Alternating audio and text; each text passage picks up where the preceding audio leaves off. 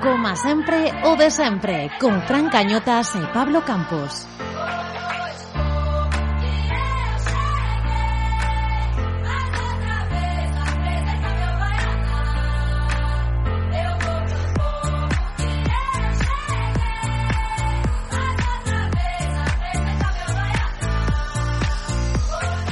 Bueno, bueno, bueno, bueno.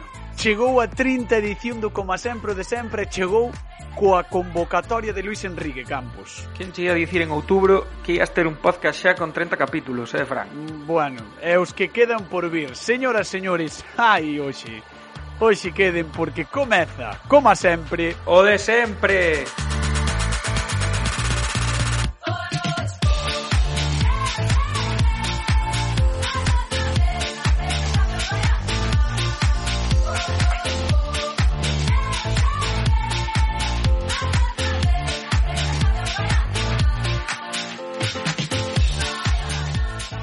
Celta de Vigo caeu na última xornada de Liga contra o Betis por un resultado final de 2 a 3. Iago Aspas de penalti e Brais Méndez adiantaron os do Chacho, pero pouco durou a ledicia en Casa Celta. Borja Iglesias recurtou tras un penalti clarísimo de Nolito.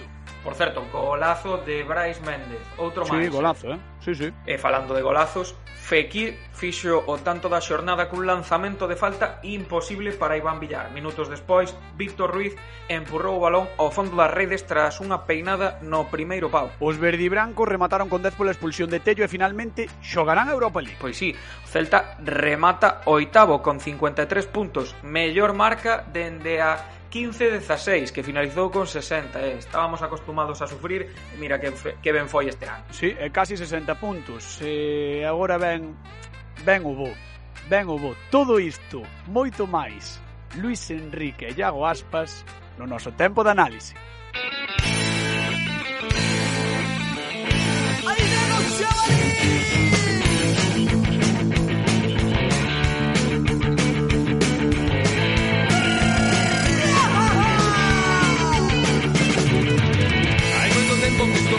Aquí Empezo xa estar fardo porque non podo sair Hai moito tempo que estou aquí metido Empezo xa estar fardo porque estou moi aburrido. Estou na lavadora, estou na lavadora.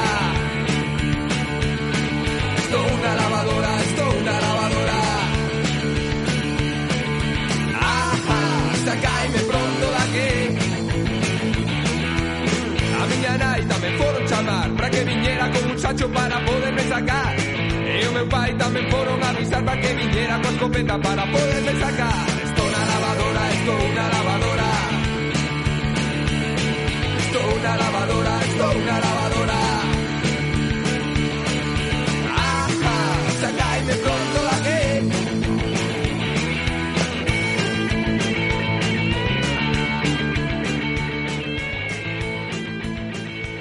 tiñamos preparado unha tertulia, bueno, pois sobre a temporada do Celta, sobre o último partido, así un pouco de relax.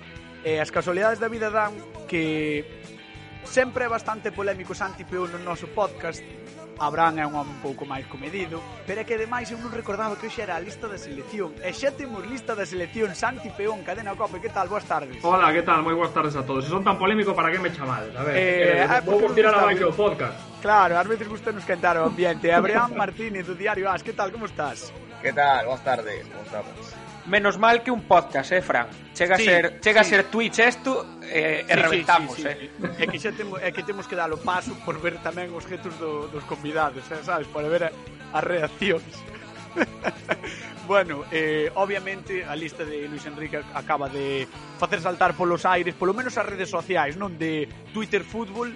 Eh, a ver, decídeme un, titula, un titular, don Santiago pois que o narcisismo eh, a incapacidade do seleccionador nacional para ir máis aló porque el quere ser sempre e permanentemente o centro de atención de todo, pois o que xera é unha convocatoria xa non só polo tema de Iago Aspas, do que podemos falar se queredes largo e tendido, sí, é, unha, sí. é unha convocatoria de vergoña allea, absolutamente, polo menos esa é a miña opinión, eu penso que ese é o titular. El quere ser o centro da atención, el quere ser o que leve toda a atención dos focos mediáticos, el sempre aquí estou eu, eh, os paus que veñan a min, e a partir de aí veremos ata onde dá esta selección, pero vamos, eu non lle auguro moito futuro na vindeira Eurocopa. Unha convocatoria de vergoña allí, acaba de decir eh, Santi e Abraham que di. Falta de respeto, pero non, non de agora, xa dende hai, claro. dende hai dous anos. Falta de respeto a, a Iago Aspas. A mí, o resto dos casos, eh, deixando o Marse, que me parece tamén unha falta de respeto que o, que o Real Madrid, que non son do Real Madrid, pero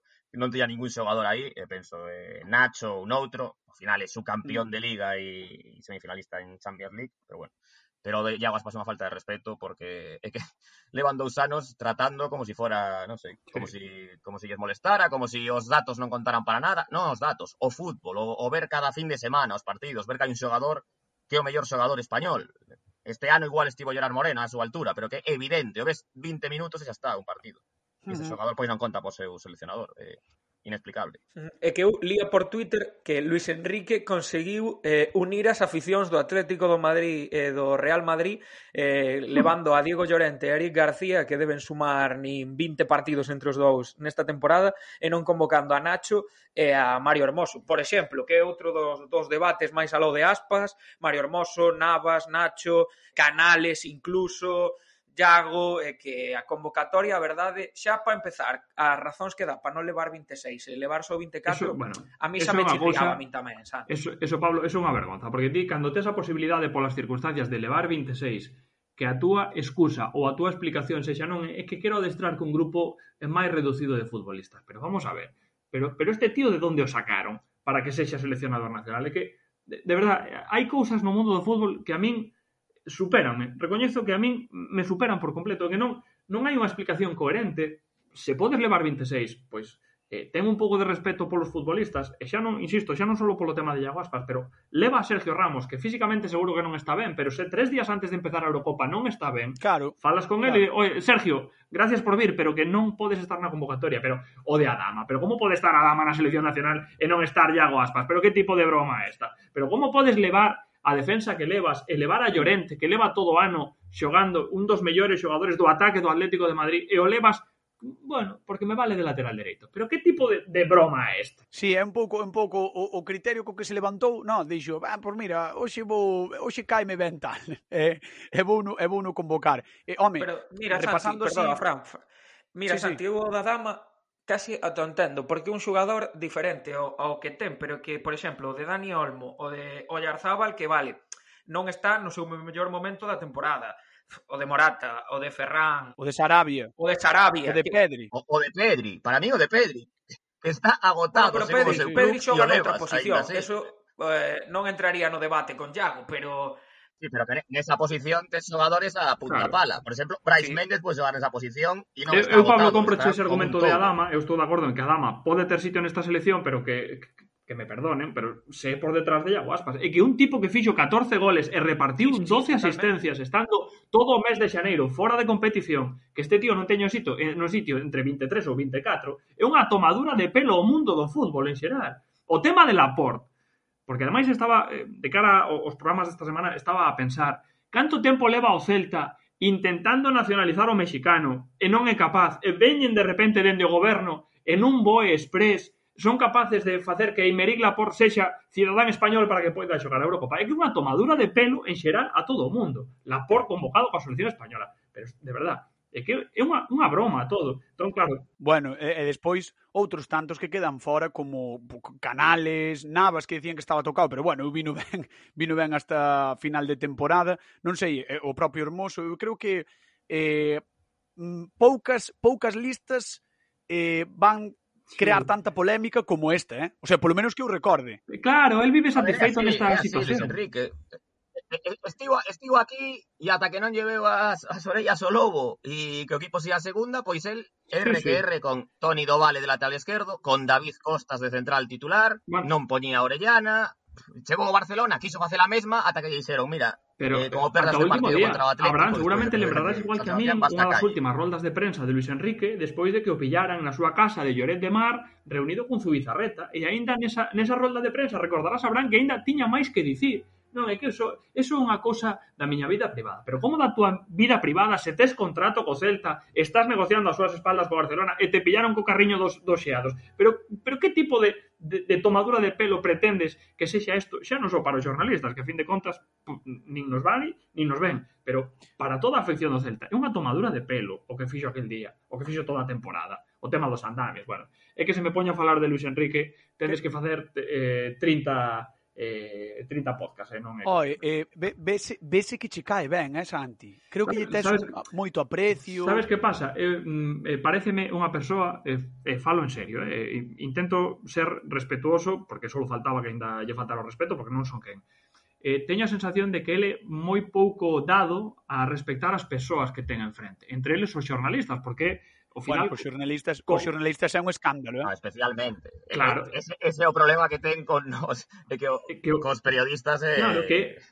Non no os pode ver diante. Seguramente. Se leva moito mellor cos futbolistas. Cos e eh, oye, que despois hai xente que trata con el de portas para dentro e falan absolutas maravillas de Luis Enrique, un tipo sensacional, eu eso non o dubido, pero a falta de respeto que ten permanentemente cos xornalistas, e xa non polas respostas, pola forma de falar, polo xesto. A cara, as caras pola, que pon. Pola comunicación non verbal, por esa superioridade, ese ego, ese narcisismo que a min chega un punto que, con perdón, me toca as narices, porque eh, sería un futbolista eh, moi bo na súa época, sería moi famoso, e pim pim pam pam, pero a min dame igual, porque atópome con el na rúa é un tipo máis.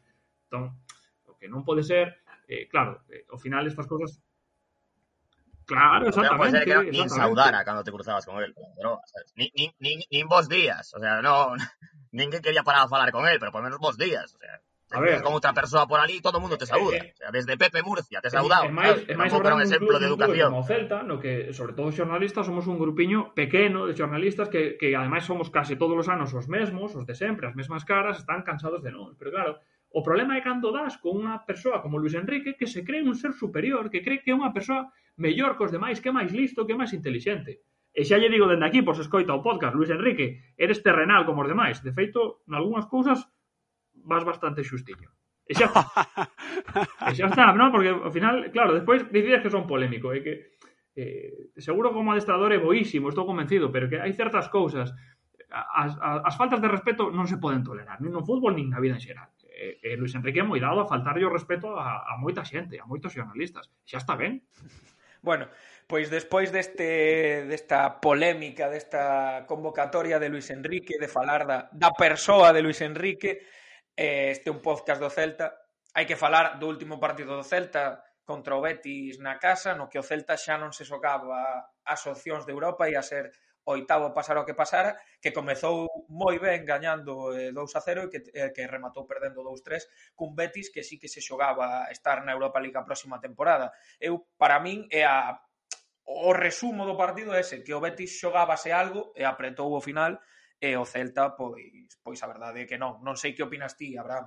Bueno, tamén pasou un pouco que tiña que pasar, non? Eu creo que o Celta levaba varias semanas eh, obrando milagres, porque estaba pois moi moi escaso de, de efectivos, prácticamente sen, sen cambios, e outro día o que pasou é que a gasolina se lle acabou en torno ao minuto 60, cando, cando Nolito regalou o, o penalti, e despois o, o Betis meteuse no partido por iso, por dous regalos, un o, o penalti que comete Nolito, e despois outra a falta que fai Iago, así chegan os, os dous goles, porque realmente o Celta o estaba sabendo de defender moi ben, e claro, tamén se tiña que impoñer un poquinho que distí, non? que o Betis xogaba a vida e o, e o Celta non se xogaba pois, pois nada. E ti, Santi? Sí, estou moi moi de acordo con Abraham, ¿no? Ao final o Betis tiña que facer valer en Balaídos que máis aló do público, dos que puideron entrar en, en Balaídos no estadio e demais, pois que evidentemente quen tiña máis cousas en xogo era o Betis, entre outras cousas porque eh, me costa máis que nada por ser un medio nacional e falas con outros compañeros que en Sevilla e tiñan a gravata ben subida porque o tema de xogar a Conference League non lles convence en absoluto. Eles querían volver a Europa eh, para xogar a Europa League. Eu penso que tamén aí hai eh, algo de eh, rivalidade co, co Sevilla, non? que sempre foi un equipo que destacou moitísimo na, na UEFA, na Europa League. Non? Nese sentido, penso que pasou un pouco o que tiña que pasar, pero non lle quero quitar tampouco méritos o Celta. O tempo que o Celta quixo xogar ao seu ritmo, a min pareceme que fixe un partido bastante completo, tendo en conta tamén todas eh, as condicións nas que estaba o equipo de Coudel, coas baixas e demais, con moita xente con problemas, un día de festa, por a parte da afección que estaban balaídos, eh, con homenaxes para eh, Sergio, por exemplo, con a retirada demais. Bueno, eu penso que fixe un partido eh, bastante loable o equipo de Coudet, pero claro, todo o mundo estaba xa sen opcións de eh, se clasificar para Europa visionando no futuro de Coudet, que ia pasar con algúns futbolistas, o tema de hoxe de Iago Aspas se selección ou non, bueno, eu penso que eh, era máis un ambiente festivo que outra cousa, entendible o tema da, da remontada do Betis. Uh -huh.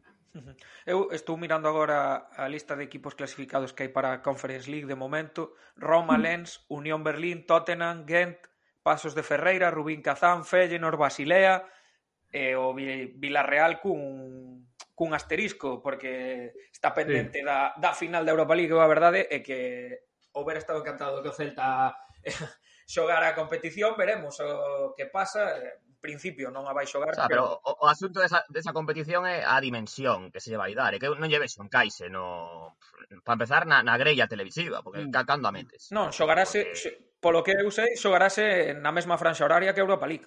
Sí, que a UEFA, sí, sí. O sea, sí. pero iso, que iso, iso non, iso, a ver como yo explicas a, ao aficionado da P. Mira, que é outra competición europea, que isto parece, empeza a ser xa o baloncesto, sí, que xa non sí, sei a... que competicións europeas, sabes? Eu... A veces penso que o Burgos é campeón de Europa e alucino, digo, pero sí. en que momento? Sí, eu ás veces eh, enfado, enfado un pouco co, co, co rumbo, non? Que está, que está collendo fútbol, porque claro, Eh, fai unhas semanas criticábamos moitísimo e aquí criticamos moito a Superliga Europea, pero é que a UEFA máis a FIFA tampouco oh. son as irmás da caridade.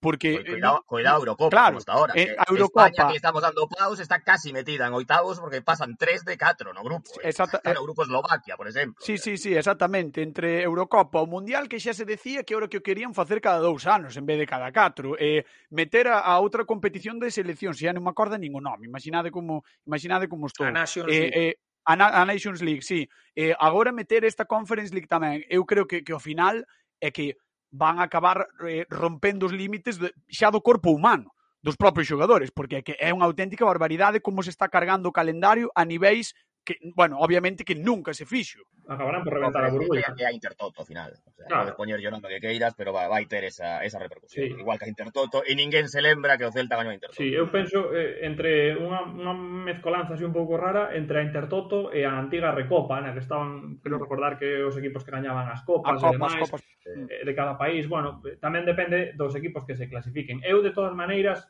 eh, sei que é moi complicado, pero non desvoto se o mércores o Villarreal é capaz de gañar a Europa League o Manchester United, eu non descarto que por darlle un pouco de cartel a esta primeira edición, que a UEFA decida invitar a un equipo español, porque claro, se estrena... Que sería raro europea. que non houbera un equipo español. Claro, Entón, eu, eu sei, e, e non quero con isto que os afeccionados que vos escoitan, que ademais sei que son moitos, eh, ben o merecedes, porque facedes un produto espectacular, pero... E vos, moitos e vos. Esa, ai, ai, exactamente. sobre todo vos, sobre todo vos. A, a, parte de que chamedes a, a, a xornalistas polémicos, como é o meu caso, ah, pero aparte disto... desto... Para eso non do éxito. Pero eu penso que se queres ter un bo inicio dunha nova competición, eu que dicía Abraham, que teña un pouco de calado, se non hai un equipo español, eu penso que a competición perde, pero veremos o, o que acontece. O, o que non quero é que vos escoiten e digan ah, xa dixo o da COPE que o Celta no, no, van a imitar. No, no. é un cheiro que che dá a ti, non? Un, un, aroma, un, aroma, un aroma de, de UEFA. No, un aroma de... para, para, para o Celta xogar a Conference League sería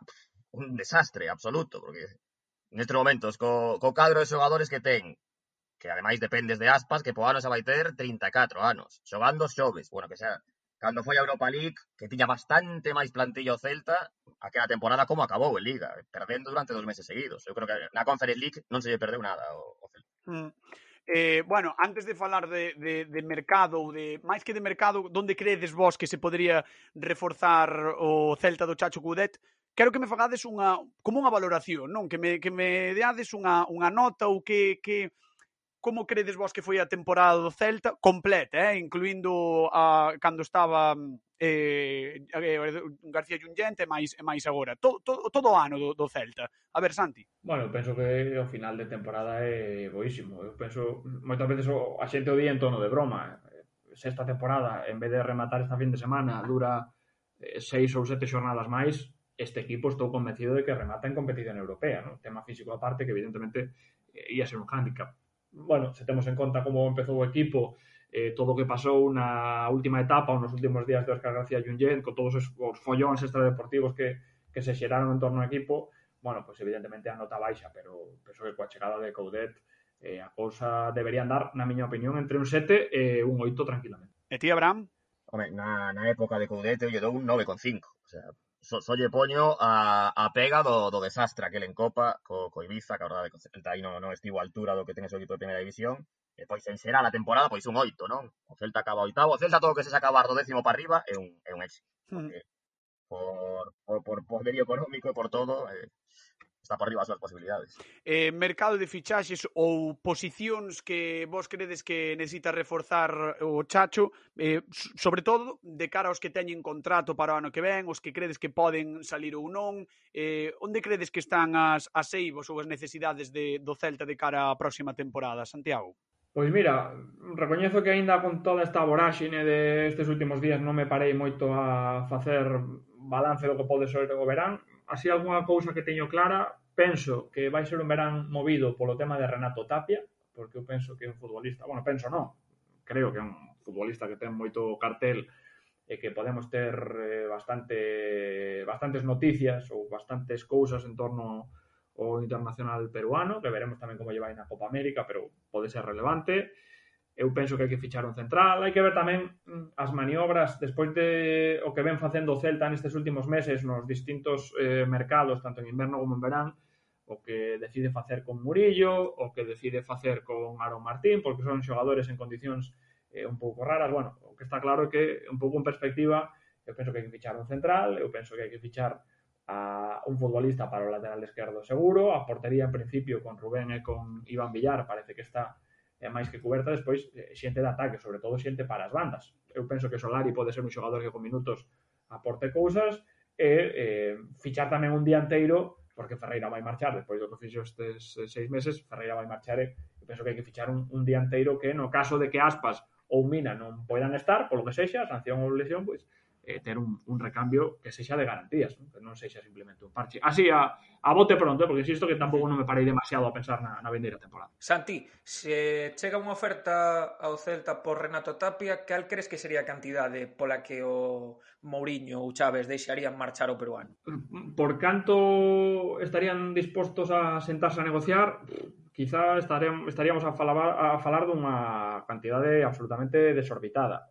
É unha miña opinión Pois non o sei, pero eu penso que mellor a partir de coa temporada que fixo, ademais xa leva tempo en Europa e demais, bueno, pois o mellor a partir non sei que pensar Abraham, pero 7, 8 millóns de euros eu penso que me podería sentar tranquilamente a, a negociar. Estamos a falar de que se si eso é así, é unha cantidade importantísima para o Celta, e máis tendo, a, a, a, tendo en conta as circunstancias que estaban a vivir os clubes da primeira división o do fútbol profesional en xeral con todo isto da pandemia. Eu penso que sería un, unha boa cantidade, pero vamos, non sei se ningún club estará... Eu, eh, eu pensaba que me ibas a decir 15 ou 20.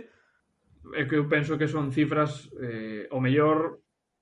Por, por 15, por 15 bueno, o... Seguro, me, pero vamos, me, seguro. Por 15 pero, en paqueta no vamos, pero, eh, gracias por vir. A dúbida ese por 10 tamén, pero por 15 que claro, ninguén teña dúbidas. Eh, a cuestión é saber quen está disposto a poñer de inicio 15 millóns de euros por Renato Tapia, que ao final, eh, insisto, eh, para mí foi o futbolista revelación non só do Celta, un dos máis destacados eh, da, da temporada, pero claro, que equipo está disposto a vir e poñer encima da mesa eh, 15 millóns de euros? A min, a min personalmente, parece unha cantidade desorbitada, pero a partir de 6, 7, 8 millóns de euros, eu, dende logo, me sentaría a negociar, e despois, a ver ata, ata onde chegamos.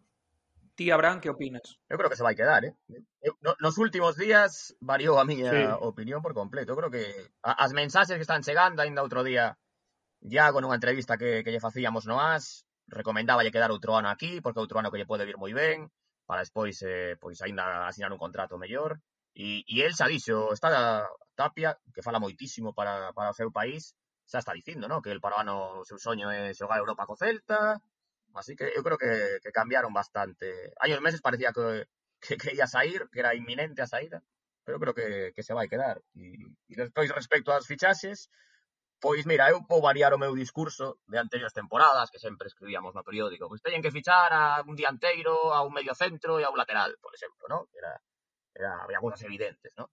Pero este ano eu digo que teñen que fichar o que pida Coudet, e nada máis, e nada menos. O que diga Coudet vai a misa. Coudet foi capaz de gañarlle o Barcelona con Kevin, con Domínguez, con Beltrán, con Iván Villar de porteiro, é un entrenador que, que a está rompendo, pero a, a, a un nivel... Co rendemento que está dando Solari. Bueno, que sacolle rendemento a todos os xogadores, menos a Baeza, o resto de xogadores sacou rendemento a todos, pero a xogadores do filial, suplentes do filial, como é o caso de Domínguez, que nin titular era no, no filial. Así que Coudet saberá o que, o que hai que fichar e que lle fagan caso, que lle fagan caso porque outro día Coudet, que estaba Santi tamén na, na rolda de prensa e preguntou yo varias veces polo tema, tensou moito a corda na, na rolda de prensa posterior ao partido. Deixou a porta aberta, eu polo menos o interpretei así, deixou a porta aberta a largarse si, si non lle fan caso eh, tanto a nivel deportivo como económico, que era unha eh, mellora. Pero, pero, pero eu, creo, eh, eu creo que eu creo que é unha, unha medida de presión no sentido de eh, eh sabe ganei, club, sabes, sabe ganei a posibilidade de facer o que queira este verán. O sea, de, de, de que me fichedes sí, sí, o que eu pida. que hai, que, que no club eh, ao final decide Chávez, decide Mourinho, E Coudet de, de Parvo non ten un pelo, xa, xa sabe o que hai e quere meterlle presión máxima para, para que para que lle fagan caso. Claro, ademais de que Coudet eh, xerou moitísimas expectativas en varios clubes de Europa que non o coñecían de absolutamente nada e de repente ven a este tío que chega aquí, máis algo dos resultados, que evidentemente son o que máis chama a atención de todo o mundo, pero que dotou o Celta dunha idiosincrasia, dunha forma de xogar, dun esquema o que non estamos moi acostumbrados aquí en Europa, claro, eso chama a atención de moita xente, evidentemente Coudet está eh, con todo o seu dereito e ademais gañou uno por dereito, eh, nunca mellor dito, o de eu quero facer un proxecto, pero creo que, que quero que o proxecto xire en torno á miña figura. E se eso o Celta non o respecta, como xa fixo aí non demasiado tempo con Eduardo Berizo, ollo porque podemos ter un culebrón no banquiño do Celta mm. moi serio este verán. Mm-hmm bueno, por, por, por pechar e, e, e, pechar o círculo, nunca mellor dito, e volver ao orixe desta tertulia, vou vos ler un tuit que, que puxo o meu querido compañeiro Brais Doval, fai nada, 20 minutiños que puxo. Aspas atropelou co Ferrari a algún familiar de Luis Enrique ou algo. Por saber que pasa aquí, porque por motivos deportivos non pode ser. Sí, sí. É que... Un pouco é un pouco sería, un bo resumo. Sería impensable noutro país, eh? estou seguro que en Italia cando levaban, que sería a Di Natale, ¿no? Aquel que xogaba no, no Udinese, que era un caso mm, similar, oh, todo o mundo daba por feito sí, que sí, Di Natale, al, que xogaba no Udinese. Sí, sí.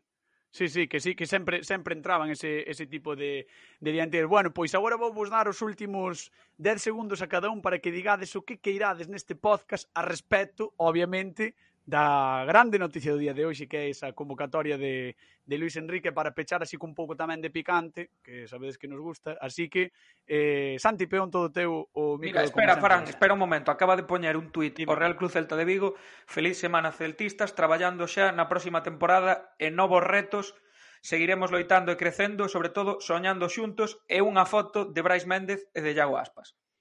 Home, pois, pois porque o Celta tamén sabe o que hai. O sea, non é, xa, xa, xa os tweets do Celta últimamente, claro, xa sabemos que cada, cada vez que xoga a selección, o, o community manager a min ca, teme que caer ben, eh, por cousas así, eh, como, como o vídeo de de Iago Aspas, así que, bueno, é o que hai, é completamente normal. Santi, eh, 10 segundos para comentar o que che saia das túas entrañas. Eh, Luis Enrique está como seleccionador nacional no seu dereito de elevar e de facer a convocatoria para a Europa que lle saia do peto, solo faltaba, pero eu penso que chegados a este punto, se non fose tan soberbio, debería explicar por que xunto con Gerard Moreno, non leva a fase final da Eurocopa coa selección española o mellor dianteiro que ten este país que se chama Iago Aspas. Eh, como dixo Campos antes no Twitter, eh, verás que gracia a Gerard Moreno cando non sexa titular e se poñen por diante calquera dos outros que van convocados. E para ti, Abraham? Ah, pois pues darlle as grazas a, a Luis Enrique, a verdad. Eh? Eu, eu creo que para o Celta é unha gran noticia que non leva Iago Aspas. O digo, o digo ¿Sí? sinceramente, para Iago non, pero, pero para o Celta moitas grazas Luis Enrique. Eh, É un último favor que lle pode facer o club, non levalo, así está fresco Iago para o inicio da, da temporada e que siga disfrutando o celtismo e, pois, mira, a selección española, se non o valora, pois, eh, a la L. Eh, vamos ter que facer ya nacionalidade portuguesa express. Xa vin algunha foto por aí de, de aspas ca camiseta de Portugal. indo, indo a Eurocopa. Eh, rapaz, é un placer, eh? Falar con vos é un placer eh, comentar a actualidade con vos sempre. Santi Peón da COPE, moitas gracias por estar con nosco. O gusto é... Eh, ia dicir noso, polo menos meu, sen dúbida. Un beso para todos, eh... chao. Cuidado vos. De Luis Enrique. Abraham Martínez, do AS, moitísimas grazas. Unha aperta enorme. Veña, moitas grazas, unha aperta para todos. A pasalo ben. Aperta.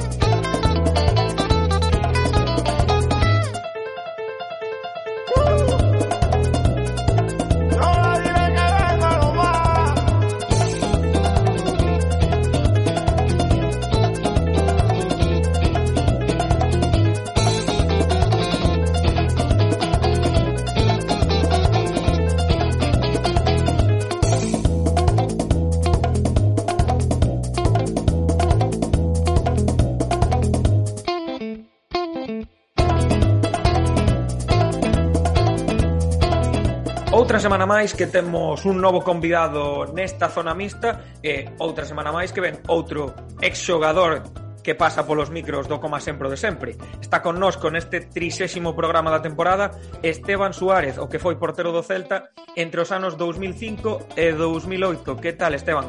Hola, que tal? Pues moi bien, la verdad que, que moi bien. Bueno, falamos un pouquiño, xa falaremos de, da túa paso polo Celta, da túa carreira, pero agora o que manda é a actualidade. Hai que falar un pouco da, da temporada sí. do Celta. Como, como valoras ti a temporada do conxunto celeste? Bueno, pues eh, genial. Primero porque se ha quitado un poco el fantasma de llegar a, a las ultimísimas jornadas eh, con el descenso acechando. Y la única duda que tengo es que hubiera pasado si Cudet hubiera cogido el equipo desde el inicio, ¿no? Porque los números son fantásticos, y, claro, los números vienen, vienen arropados por la mejora de rendimiento de muchos jugadores que, que, con Oscar pues estaban a un nivel mucho más bajo y con el Chacho Cudet los, los ha recuperado, más allá de un sistema de juego también bastante novedoso aquí en España. Eh, eh, chegaches a coincidir, obviamente, co Chacho, pero seguro que tes amigos en común ou alguén que, que che fala del. Que, que, que che din del? Como é nas distancias cordas? Como é no vestiario? Un pouco así como, como Cholo que estes días eh, filtrouse, ademais ti estiveches comentando o Atlético de Madrid, eh, filtrouse sí. que lle, levaba 4 semanas dicindolle ahora, ahora decirle que vamos a salir campeones. Ahora, a los del club. Non sei se si, si é un pouco así ese estilo de motivador ou sabes algo ti del, na, na intimidade. Sí, bueno, no, no tengo tampoco muchísima información porque hace muchos años que me fui, de mi época solo queda, quedaba Sergio Portero y queda ya Guaspa, ¿no? Y un utillero y un fisio. Pero sí que me han dicho que eh, tiene bastante, bastante, eh, hablando de distancias con, con el Cholo, ¿no? Muy exigente, buen trato y, y sobre todo que, que ha recuperado a los futbolistas, que les ha convencido con sus palabras y luego con los hechos, ¿no? Un futbolista cuando les, le haces ganar, le das herramientas para ganar, pues confía mucho en ti. Pero sí que es un entrenador con carácter, pero a la vez también cercano para, mm. para poder hablar con él y para poder también desarrollar tu trabajo. E que ademais é un, é un adestrador que, que transmite eso nas, nas rodas de prensa, nos pospartidos, é un, é un motivador, ademais de todo o que fai sobre o terreo de xogo, que a verdade pois eh, ten o seu mérito porque soubo encontrarlle o sitio a xente como Mina, como Brais, que igual con Óscar xogaban menos ou xogaban en outras posicións, incluso Denis.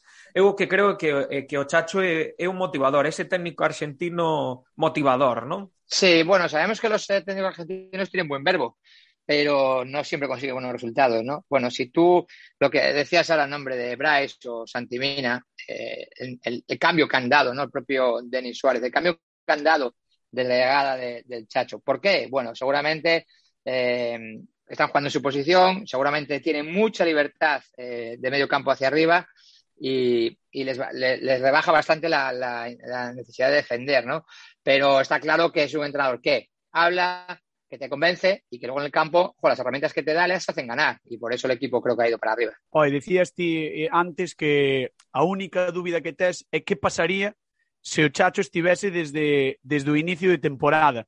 Ti crees que, que se pode manter? É verdade que o Celta tivo un baixón despois do, de, do Nadal, no mes de xaneiro, febreiro, que fixo un decembro espectacular, que fixo este último tramo de competición espectacular. Ti crees que sería capaz de, de manter isto durante toda unha temporada? Mm, a ver, eh, no olvidemos que, que el Chacho coge al equipo último. Eh, cuando, cuando coge el, sí. el, el Chacho, lo, lo, coge último. Y al final, fíjate dónde, dónde lo deja, ¿no? Eh, lo deja octavo, a muy poquitos puntos eh, de jugar en Europa. Estoy convencido de que el rendimiento de los jugadores han subido tanto que desde el inicio de la liga este rendimiento lo hubieran tenido y creo que hubieran estado en Europa, porque todo el mundo decía, ¿no? Yo, yo comento mucho al, al Real Cruz Celta en la Liga Tubebar, todo el mundo decía, uh -huh. eh, qué bien juega, qué, qué estilo tiene bueno, yo creo que lo decían también para endulzar un poco a la plantilla, pero realmente no tenía un estilo. Eh, todos sabíamos que Yaguas pasaba un jugador, que Bryce era bueno, que Denis, que Santimina, que Nolito, pero no estaban jugando bien. Ahora sí tienen un estilo, ahora sí son rápidos con el balón, ahora sí. Antes lo decían, pero no lo eran, ahora sí eh, todos coincidimos que son rápidos con el balón y que es el Real Cruz Celta que conocemos, uh -huh. que con balón es peligrosísimo. Uh -huh. Quizás eh, para aguantar ese, ese ritmo, ese nivel que, que, que, amo, que amosou o Chacho nestes, nestes últimos meses, vaille facer falla un gran mercado de fichaxes, porque o Celta ten unha, unha plantilla bastante corta. Eh, sí, sí, ahí también eh, me doy cuenta que el Chacho hace pocos cambios ¿no? en, en su alineación, prácticamente juegan los mismos, más o menos. Eh, dicho lo cual, si funciona, ¿para qué vas a cambiar? Sí, quizá aumentar un poco el número, intentar acercarle que entre titulares o titularísimos y jugadores que, que participen menos no haya tanta diferencia. pero sobre todo mantener lo que tiene. ¿eh? Eh, me quedo con que no perder. Por la cantera viene Carlos Domínguez central, viene José Fontán, eh, qué decir de los porteros. Bueno, eh, retocar, pero tampoco creo que haya que tener tantos cambios porque, digamos, lo que es el esqueleto o los jugadores principales están, no perderlos, sobre todo. Vamos, que, non marche Tapia, non? Eh, Eso. Por ejemplo, por ejemplo, fíjate, yo, yo Tapia, yo Tapia, yo no conocía. Yo, yo jugué con muchos argentinos que venían de jugar de esa posición, de, de cinco por delante de la defensa, pero que en España se, se juega con doble pivote. No, no, no conozco, no, no había coincidido casi con gente que jugara con esa figura de Tapia. Yo, sinceramente, no. Cuando debuta contra Sevilla, o que yo los comento, no, no sabía, no, o sea, era un poco escéptico con ese rendimiento, pues me ha sorprendido el rendimiento de Tapia. Por lo que roba, y claro, cuando roba, y por los que no pierde, pero claro, si un pivote te roba 10 y te roba y, y pierdes otros 10, Claro. es nulo. Ahora, si te roba 10 y te, te, te da nueve pases buenos, es un pivote o ese 5 para la defensa fantástico, como lo es Renato Tapia. Bueno, eh, hoxe é un día marcado en vermello nos calendarios de, de moitos clubs, de moitos xogadores, porque Luis Enrique, estamos grabando isto ás once e media da mañá, Luis eh. Enrique vai dar a lista, cando se publique o podcast xa estará a lista publicada, pero eh, que agardas con respecto ao Celta? Crees que pode entrar alguén? Brais, Iago, hai moito debate, hai moita xente en vivo que di, pois, mellor que non vayan, outros que din que sí que vayan. Eh, que crees que pode que pode pasar? Por onde poden ir os tiros?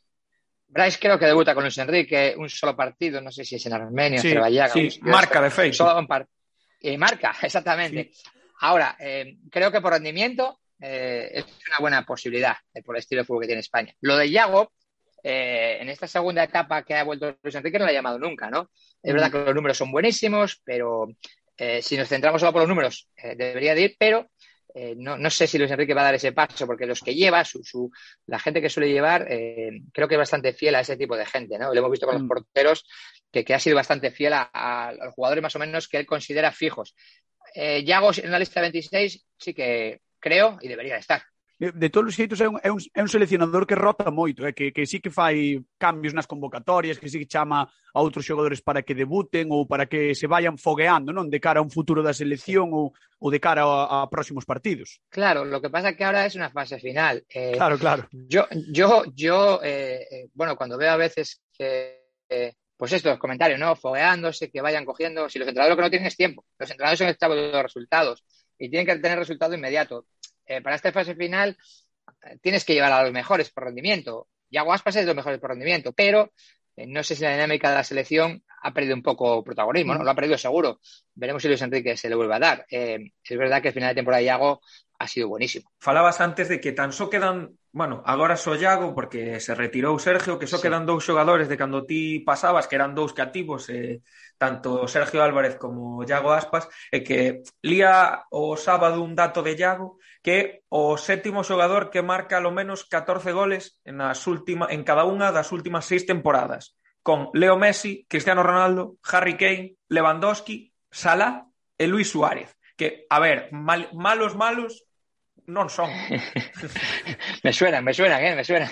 Eh, eh, mira, Yago Aspas, eh, si vas a los fríos números, es buenísimo. Pero yo, yo que, que juego contra él o que te fijas en otras cosas, eh, Yago es lo que genera. O sea, Yago siempre tiene una vigilancia permanente de, de rivales. Eh, eso posibilita que otros jugadores, Pablito, Bryce, eh, Santi Mina, el propio Solari, tengan más espacio, tengan más posibilidades de ellos eh, también disfrutar ¿no? y, y de hacer goles o, o peligro.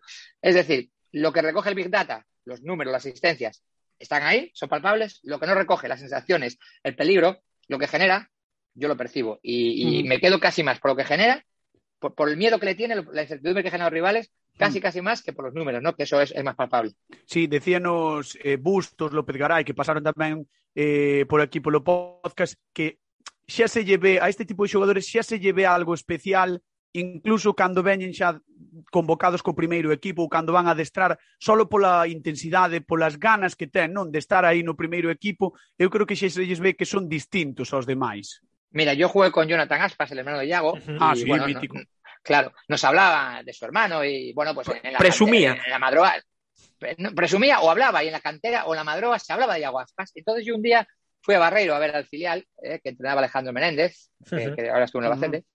Sí, sí. Fui a verlo, eh, fui a ver al, al- al filial y más o menos iba a ver a este jugador, ¿no? Ese talento es innato, disfrutar del fútbol, lo tienen pocos futbolistas, ¿eh? Hay gente que sufre eh, jugar un partido, que, que, que, que piensa en las consecuencias de un mal resultado. Yago disfruta, Yago no ve el peligro, Yago disfruta, Yago tiene talento.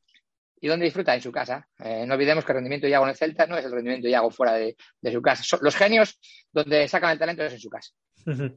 Eh, falando da selección, eh, estaba mirando datos por aí e tal, ti eh, chegache a ir convocado ca selección española seis veces, aínda que non, non debutaches. Fui cinco veces, eh, voy eh, contra Bosnia, Israel, eh, voy contra Austria, Holanda y, y, no recuerdo el otro. Bueno, el caso es que sí que hay dos, ah, y Alemania, el primer partido es contra Alemania, sí, mm. sí recuerdo que hay dos momentos que voy a debutar. Uno es en Alemania, que va César Sánchez, el portero en aquel momento de Real Madrid, que también debutaba en la selección y nos meten cuatro goles. Claro, quitar a un portero que debutaba metiendo cuatro goles y poner a otro que iba a debutar era un poco arriesgado, ¿no? Camacho me dijo para la siguiente, los siguientes eran partidos oficiales, como te digo, Israel, y jugamos, mi última convocatoria fue en Sevilla, la Cartuja, contra Holanda. Y cuando estoy ya preparadísimo para salir, con la ropa ya quitada y preparada, pues Fernando Hierro eh, se equivoca, le mete un cabezazo a Hasselbein y expulsan a Fernando Hierro a Hasselbein y lo que hace Camacho es meter a otro central, que era Paco Gémez en este caso, ¿no?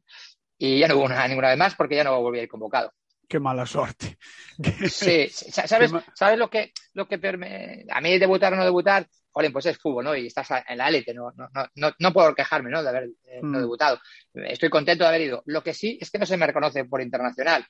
Y un jugador de Celta que vaya convocado, por ejemplo, eh, Patrick Siqueira, el portero del filial que no debutó este año, sí estuvo en la plantilla de Celta, sí se reconoce, sí, sí ha cobrado las primas de, por, eh, por, imagínate por meterse en Europa, se reconoce, sí, sí. está en el acta, está en el acta. Yo claro. estaba en el acta y no se me reconoce como internacional, ¿no? O sea, es algo que, que creo que no, que no está bien, porque que juegues o no es una cosa, pero que estás es otra. Mm.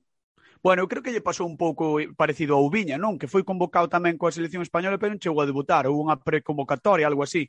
Sei se foi... Sí, pero no, no, foi, no foi cinco veces, eh? No, no, no, cinco no, no, foi unha convocatoria, claro. sí, me, me claro, parece. Sí, Fal, sí. Falando así un pouco do, do Celta, non sei que recordos, que é o primeiro que se che ven á cabeza cando pensas no Celta? Pues el día que, que yo, la primera vez que me hablan para ir a Celta, ese es el primer recuerdo que tengo porque se produce en un, en un recreativo de Golba Celta, yo jugaba en el Sevilla y voy a ver a, a Fernando Vázquez, que, que, era amigo mío, había -huh. voy a verla al hotel a Huelva, ¿no? Planeamos, va mi mujer, va un hijo mayor, en ese momento tenía dos añitos o año y pico, vamos allí, eh, él cambia la charla para poder estar un rato conmigo y ahí es donde me comunica que, que si ganan en Huelva, como ganaron 0-1, van a subir, como al final subieron, y sí. quiere que yo vaya para allí. Y quiere que yo vaya para allí.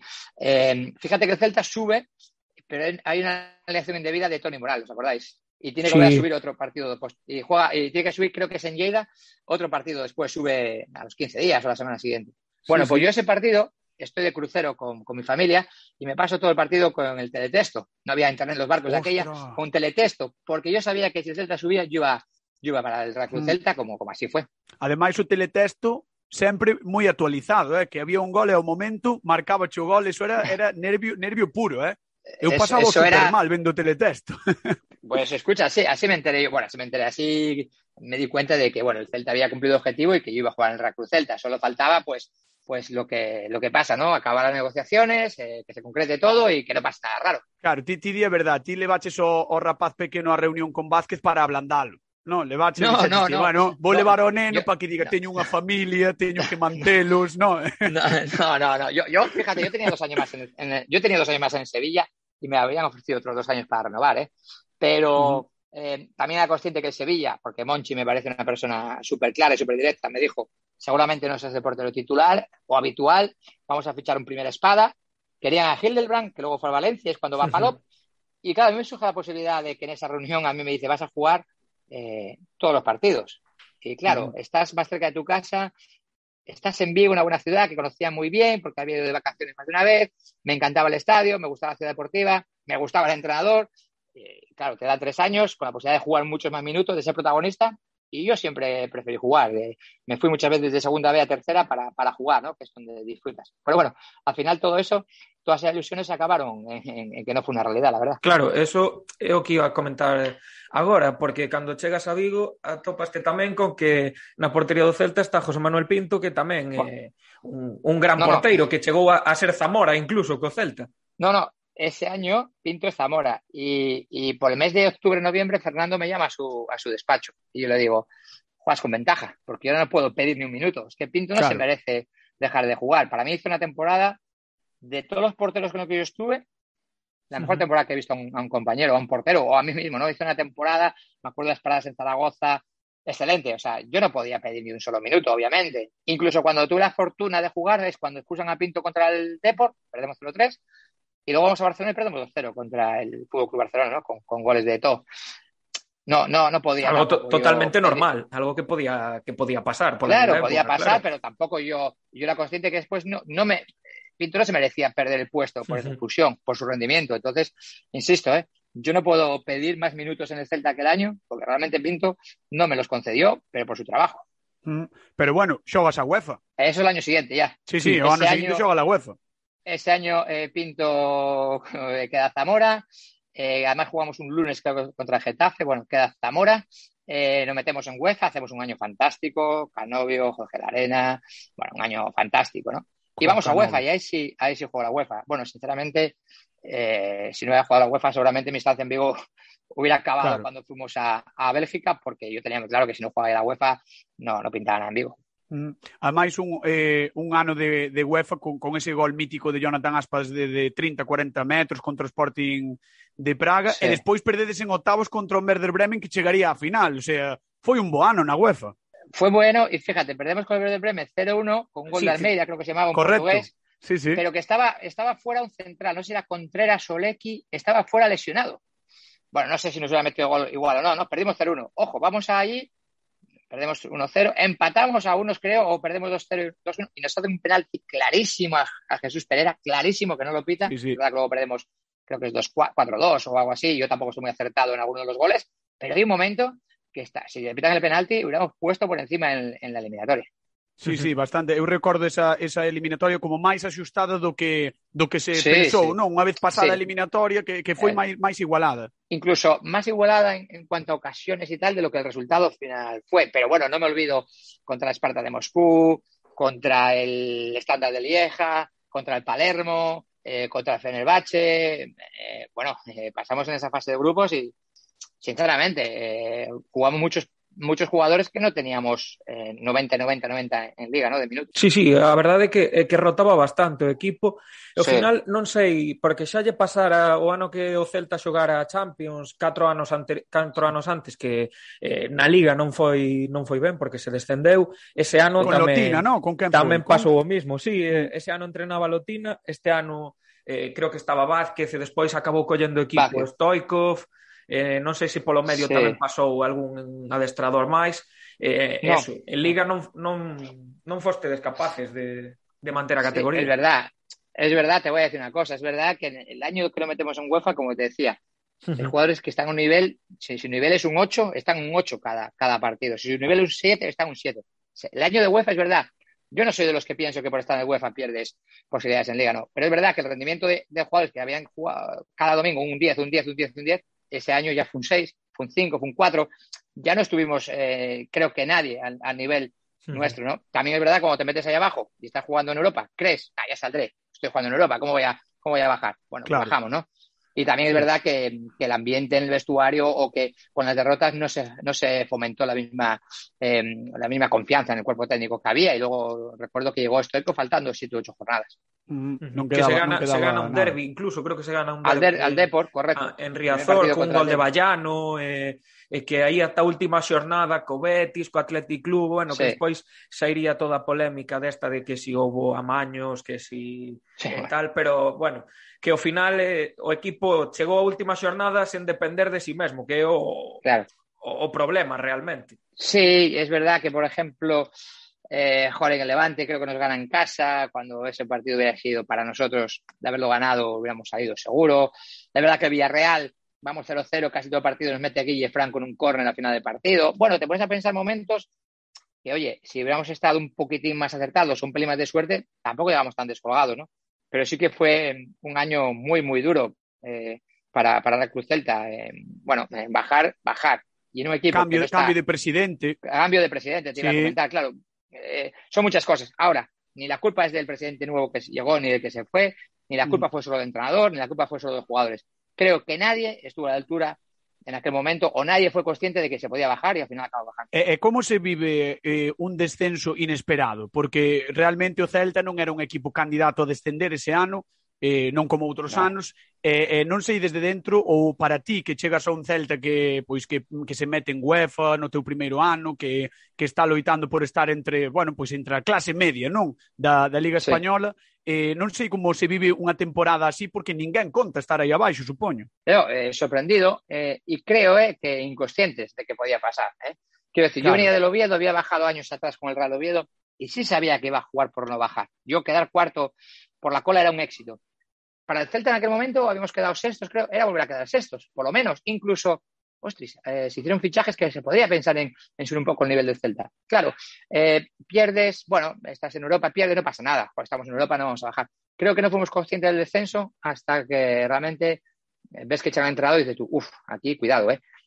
Pero también es verdad, es verdad que, que, veíamos que el nivel de cada uno eh, estaba descendiendo y no éramos capaces a, a, cambiarlo. Bueno, realmente no sé, no sé qué pasó, no sé qué, cuál fue el motivo, solo, no, solo, no solo hubo un motivo, pero sí que creo que un pouco la inconsciencia de pensar que podía darse esa circunstancia. Ademais, é, é curioso porque eh, despois diso ven como a travesía polo deserto do Celta, non? Que pasa uns anos malísimos, horribles, eh, incluso para o celtismo que se desengancha moito do Celta, eh, con esa mítica salvación cos goles de aspas cando sae contra o Alavés eh, é complicado, non? Supoño, unha vez que te metes nunha dinámica así, pois se non subes ao ano seguinte ou se non estás loitando aí arriba, unha vez que te metes na segunda, a segunda é, é, é moi dura, se non, pois mismamente o Deportivo ou o Numancia, equipos que o ano pasado estaban a mitad de temporada o Numancia, que estaba loitando por playoff, eh, agora está na segunda federación es mucho más fácil mantenerse en primera que subir de segunda a primera, sin duda. Con una plantilla que, que esté por los puestos altos de segunda, te puedes mantener perfectísimamente en primera división. Eh, ¿Qué pasa? Claro, eh, hablamos de ese año en segunda, eh, cuatro entrenadores tuvimos, ¿eh? Claro. Cuidado. Sí, Eh, o, o tiñamos aquí apuntado. Sí, sí. Claro, cuatro entrenadores, empiezan los problemas de cobros, y cuando empiezan los problemas de cobros, eh, no olvidemos que entramos en ley concursal, a mí me queda un año y medio por el camino. Fíjate cómo son las cosas, que las primas de haber eh, jugado la UEFA el año anterior, a Jorge Larena y a mí no nos las cobran porque Hacienda embarga unas cuentas de Celta y quedamos dos jugadores sin cobrar esas primas. Eh, cuatro entrenadores, eh, run run de que no vas a cobrar. Eh, tú como humano, ¿qué haces? Eh, Claro. Antes hablabas de que tenía un niño, ¿no? luego ya tenía dos en el Celta. ¿Qué haces como humano? Empiezas, Vale, empiezas vale. a buscar tu solución particular, porque te digo una cosa. Sí, sí.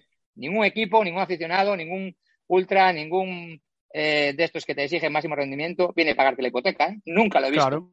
Y, y uno, y uno cuando no cobra, tiene que buscarse su futuro, ¿no? Y por eso fue un año en el que ahí tuvo mucho que ver también, pues una política del club tan austera, tan austera, que es verdad que salvó al Reclus Celta, pero en aquel momento nos mató a muchos jugadores. Claro, que, que sí que salvou o club, pero pero houve moitos xogadores que saliron prexudicados, non, de, desa situación do Celta. Yo, yo uno de ellos. Te- He de decirte una cosa, ¿eh?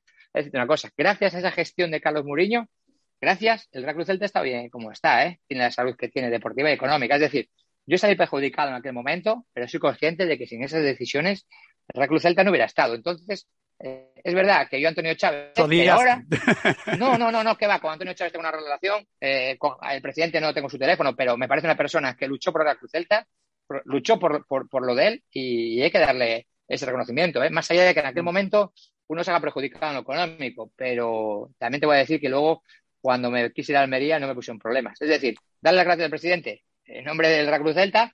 eh, lo que tú dices, casi matarlo en nombre de Esteban, ¿no? Por sí, no, supoño que ora visto, visto con perspectiva, non tal como che foi a vida, sí. que, non, que non che foi mal a vida, visto con perspectiva, casi dis, bueno, polo menos salvouse o club, non, ainda que, que moitos saliramos perxudicados, o club agora é outra cousa. Tal cual, tal cual lo dices, o sea, eh, soy consciente de que eh, casi, casi me alegro de lo que ha pasado, porque veo uno de los equipos que confío en mí que no solo salvó la situación económica y deportiva en aquel momento, sino le veo con una salud tremenda. eh, me divierto mucho cuando los comento. Entonces, bueno, a pesar de que me haya pasado eso, estoy muy contento de cómo se gestionó luego el Real Cruz Celta después. Bueno, eso fala moi ben de ti, fala moi ben de ti, sí, señor. Adiante, Campos, dalle. Nada, xa para ir rematando Oviedo, Atlético de Madrid, Sevilla, Celta e Almería do 275 partidos en primeira 145 en segunda. Verdade que unha carreira eh, longa. Imagino que ti eh, estarás satisfeito e eh, orgulloso da túa carreira deportiva, ¿no? Pues de todo eso que has comentado, que obviamente, a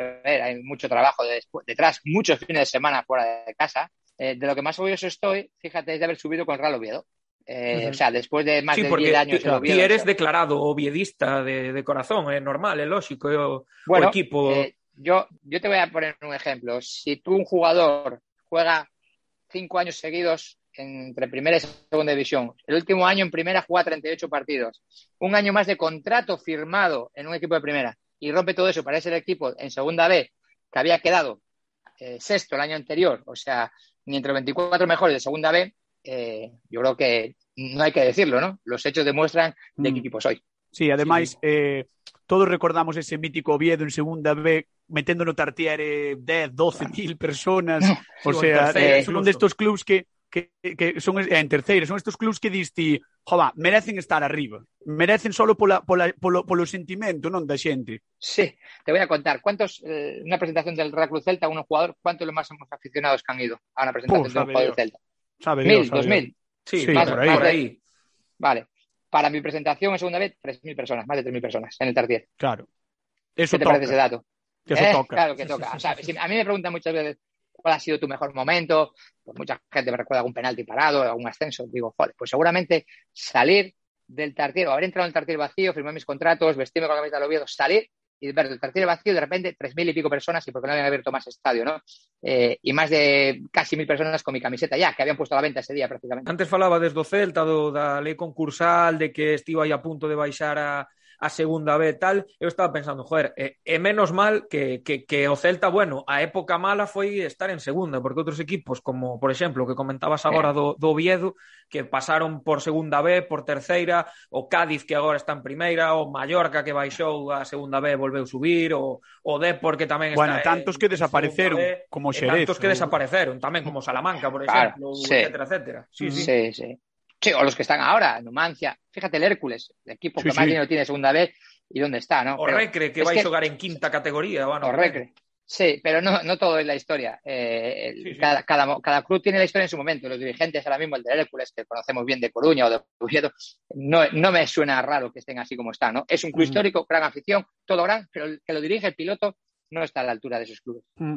Bueno, eh, antes de, de ir pechando, que nos queda pouquiño tempo, imos che preguntar por Sergio, obviamente, porque para nós sí. Eh, Sergio é un, é un referente, pero tamén me gustaría saber eh, como é un día de Esteban, eh, que, que fai agora Esteban, además partidos, como está conectado co fútbol, eh, como vive o seu retiro profesional? Eh, e o seu, o seu futuro que ten por diante tamén no, no novos ámbitos profesionais. Bien, ahora mismo mi vida es, me centro en comentar partidos para Liga TV Bar, me centro en, en estar luego de comentarista, de tertuliano en Gol TV y me centro en colaborar con Onda Cero, ¿no? Los viernes por la noche con Aitor Gómez en el Transistor. A partir de ahí tengo dos críos, con lo cual me entretienen bastante y soy profesor, soy profesor también en la Escuela de Entrenadores de la Federación Asturiana de Fútbol, ¿no? Y. eh, eso en cuanto a mi vida ahora. Eh, también es verdad que tengo la posesión de, de títulos de entrenador de máximo nivel, también de director deportivo, de entrenador de porteros de máximo nivel, pero eh, de momento no me ha surgido la posibilidad de estar en el verde, ¿no? En el verde me refiero a entrenar, a estar con porteros o a entrenar a un equipo o la edición deportiva, que es la titulación que tengo. Pero eh, estoy feliz con lo que hago porque hago lo mismo que hacía cuando jugaba, es decir, viajar los fines de semana y hago lo mismo que hacía cuando jugaba, estar toda la semana con mi familia, que al final yo siempre digo, el fútbol es una noria, según subes tu nivel futbolístico vas subiendo tu nivel de amigos, de conocidos, según bajas, pues vas perdiéndolo, ¿no? Si en ese camino has perdido a los de verdad, eh, cuando llegas al final de tu carrera no tienes ni con quién ir a comer, cosa que a mí, gracias a Dios, no me pasa. O sea que a, a ti, Esteban, gustaríache, por exemplo, pois non sei, eh, ser adestrador de, de porteiros de, dun equipo de segunda ou de primeira? Bueno, entrenador, yo tuve la posibilidad de ir a Ibiza o al Mirandés con Pablo Alfaro dos veces. No de las circunstancias, ¿no? Sobre todo fueron la primera porque echaron a Pablo Alfaro y no me dio tiempo ni a llegar. La segunda es porque era el aspecto económico y era muy, muy, muy bajo. Pero yo siempre digo, a mí que no me digan, oye, no, no, no vienes conmigo, no te metemos en el club porque no, no tienes titulación. No, no. A mí que, que no me den esas disculpas. Si no me llevan es porque no quieren, pero por lo menos yo estaba preparado. Aunque insisto, ¿eh? Eh, obviamente los que hemos jugado tantos años de portero, entrenar porteros o entrenar un equipo o formar parte del cuerpo técnico es increíble. Pero esta nueva profesión que conocí y me está encantando, la disfruto muchísimo. Claro, que cando te metes a comentar partidos, decimos que nós tamén por experiencia. Sí, es moi guapísimo. é moi vicioso, é moi vicioso, sí, sí, sí. Muy guapo. Y encima Aparte- no, no sufre. Sí, no, no. Non Aparte, sufres, os, xogadores, No, no os xogadores tedes aí un filón para Sí. comentar, eh, está, está moi de No, moda te- agora. Te digo que, que a mí me pueden preguntar hasta la talla de botas que calza mucha gente porque me fijo, ¿no? Y, por ejemplo, a Renato Tapia no lo conocía nadie, no te puedo decir casi eh, si tiene una caries, ¿no? Porque me encanta cómo juega y bueno, pues eh, hay ciertos equipos como es el Sevilla, el Celta eh, o el Atlético Madrid que los hago cada domingo y que los conozco perfectamente, claro. Ah, pero que sepas que polo que nos din todos os adestradores que entrevistamos e os que coñecemos, Sí. súfrese moito abaixo, eh? Cando eres adestrador, súfrese Sí. moito, non No. estará mellor na cabina de retransmisións que, que abaixo, que abaixo Nah, no, seguro, sí. no céspede. Antes hablabas de López Garay, con el que he coincidido aquí mucho y me cuentan cosas, ¿no? Soy amigo de muchísimos, muchísimos, y te lo dicen, pero también tengo una cosa, ¿eh? Cuando tienen la oportunidad de entrenar, vuelven. O sea, que sarna Claro. con gusto no pica, ¿eh? Claro, claro, claro, exactamente. Ah, sí. Sí. mellor un mini infarto, pero entrenando, ¿no? Exactamente, sí, sí.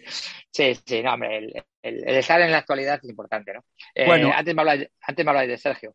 Sí. Eh, va, va a pasar ese momento ahora, Sergio, de, de, de que, de que tienes que buscarte una ocupación porque el, día es muy largo. Sí, sí, eh, eh, xusto era a, a última pregunta. Eh, bueno, Sergio Álvarez, eh, toda unha institución eh, non, son, non só para o Celta, sino para, para os galegos en xeral, porque é un home que, que sempre levou Galicia por bandeira, sempre vai moito co, co galego, incluso eh, por diante, eh, é un home moi querido, eh, foi un gran porteiro, tivo anos mellores, anos peores, pero sempre eh, co celtismo por diante, non?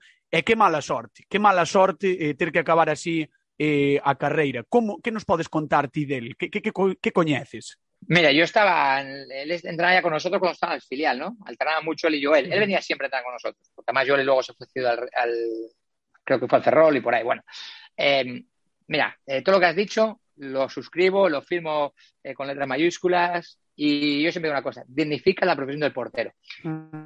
Lo hacía muy bien. No jugaba, el primero a animar a sus compañeros. Eh, ¿Sabe lo que te digo? Que el mejor reconocimiento que puede tener es estar en el Real Cruz Celta, porque representa mucho al Real Cruz Celta, representa mucho a los porteros y te voy a decir una cosa, era un porterazo. Un porterazo de mis Mm. características, no muy alto, pero cuando no eres muy alto, ¿qué tienes que hacer? Saltar más, como él, como él dijo, ¿no?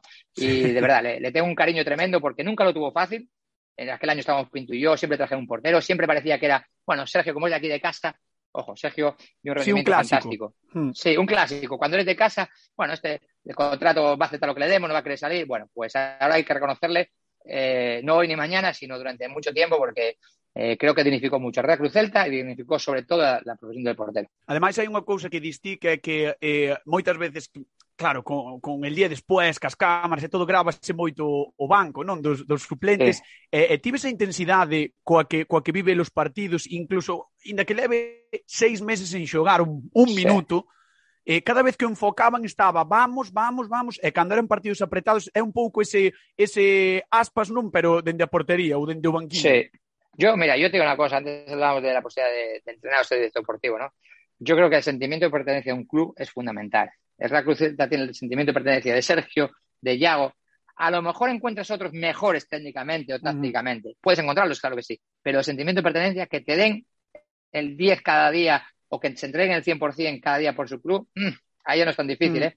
Y te lo dice uno que es del Oviedo, muy del Oviedo y que luego fue a jugar en muchos sitios, ¿no? Pero también te digo que hay veces que tú antepones lo personal a lo colectivo. Sergio mm. seguro que ponía a lo colectivo, porque lo, el bien del Celta era su bien. Bueno, pois a verdade é que as palabras as palabras que di sobre Sergio honrante moitísimo e ademais eu creo que a maioría, o 90% do celtismo coincide con esa forma de ver a Sergio Álvarez, que é toda unha, unha institución. Esteban, de verdad, moitísimas gracias por estar por, connosco, por compartir estes, estes minutos de radio, por saber un pouco tamén da túa vida, que, que a nos gusta nos saber de, de xente que pasou polo Celta, xente a que lle temos moitísimo cariño, e nada, cando queiras, xa sabes que esta é a túa casa, a casa do celtismo, tamén do Oviedo. Vai ser a partir de agora tamén sí. a casa do Oviedo, así que cando queiras, nos encantados de terte con nós. Un placer enorme. Bueno, placer es mío porque además, estando en Vigo tres años, pero no habiendo estado al nivel que yo creo que había estado, la gente de Vigo me recuerda con cariño uh -huh. y un caso es el vuestro ahora. O sea que muchísimas gracias por darme la oportunidad de, de hablar de Celta. Muy ben, Esteban, aquí quedan as palabras de Esteban, no como sempre o de sempre, porteiro durante tres anos do, do Celta de Vigo e que estivo con nós aquí. Unha aperta enorme. Unha aperta. Un abrazo fuerte para todos.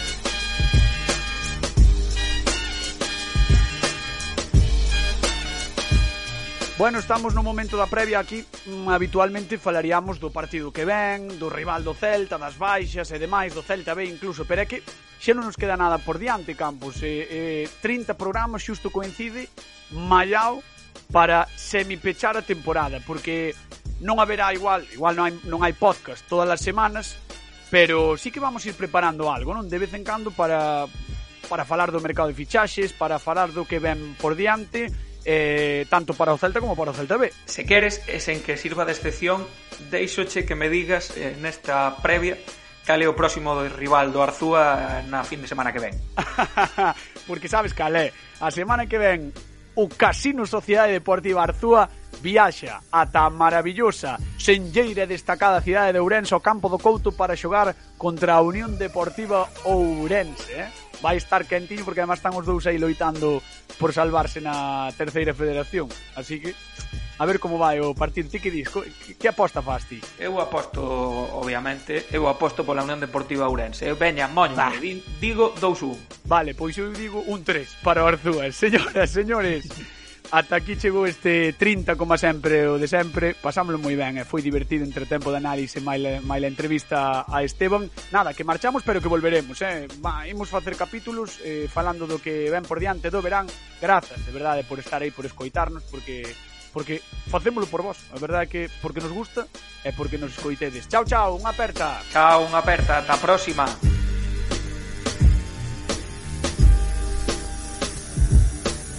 Coma sempre o de sempre, con Fran Cañotas e Pablo Campos.